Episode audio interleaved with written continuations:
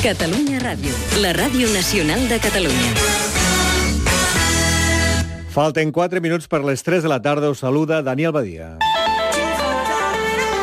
El Lleida Esportiu debuta avui a la Copa del Rei d'aquesta temporada. A partir de dos quarts de nou del vespre jugarà contra el Prat en la primera eliminatòria a partit únic. El partit es jugarà a Mollerussa i això, segons l'entrenador del Lleida, Gustavo Siviero, equilibra molt l'eliminatòria. Sí, porque nosotros habremos pisado el campo una vez más que el rival. Eh, en cualquier caso no va a ser una excusa, pero, pero eso quizás equilibra un poquito la- las posibilidades. En todo caso nosotros tenemos que, más allá de las circunstancias que nos encontremos, tenemos que ser mejor que el rival para intentar pasar. Siviero diu que la competició de la Copa li genera una il·lusió especial. Bien, con, con la mayor ilusión, porque es una competición que, que nos gusta, o a mí personalmente me gusta.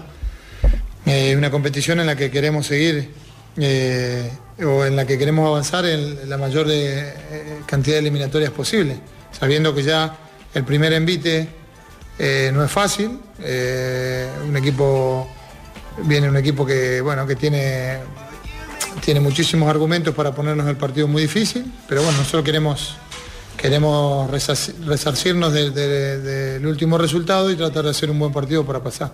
Finalment, avui tampoc podrà debutar en Lleida el defensa argentí Franco Flores perquè encara no ha arribat el seu transfer internacional.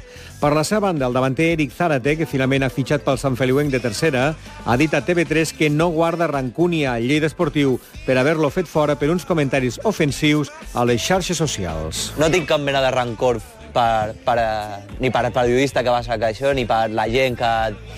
Tothom té opinió, tothom té, pot dir el que vulgui i ja està. No, això no tinc rancor per ningú i ja està, oblidar-ho, ja està. Ser feliç, eh, ja està. Jugant a futbol, que és el que m'agrada, i, i marcar gols.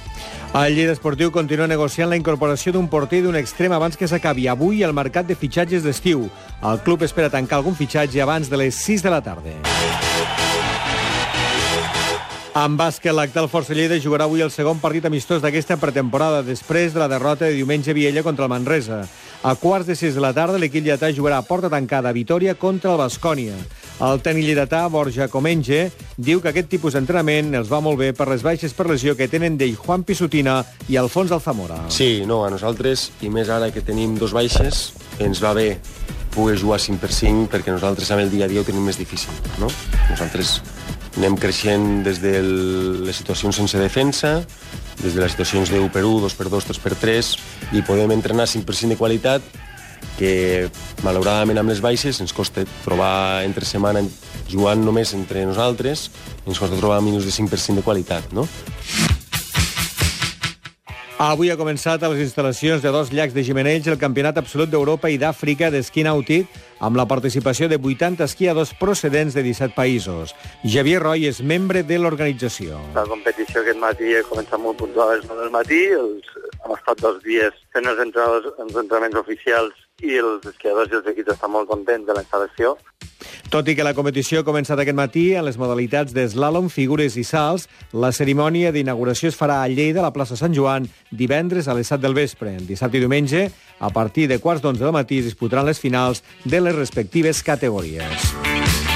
I en hoquei patins, l'ICG Lleida Llista compta amb victòries als tres partits de pretemporada que ha jugat. Ahir va guanyar la pista de Lloret per 2 a 4 en la segona jornada de la Lliga Catalana. Dissabte jugarà el tercer partit al Canyís contra el Reus.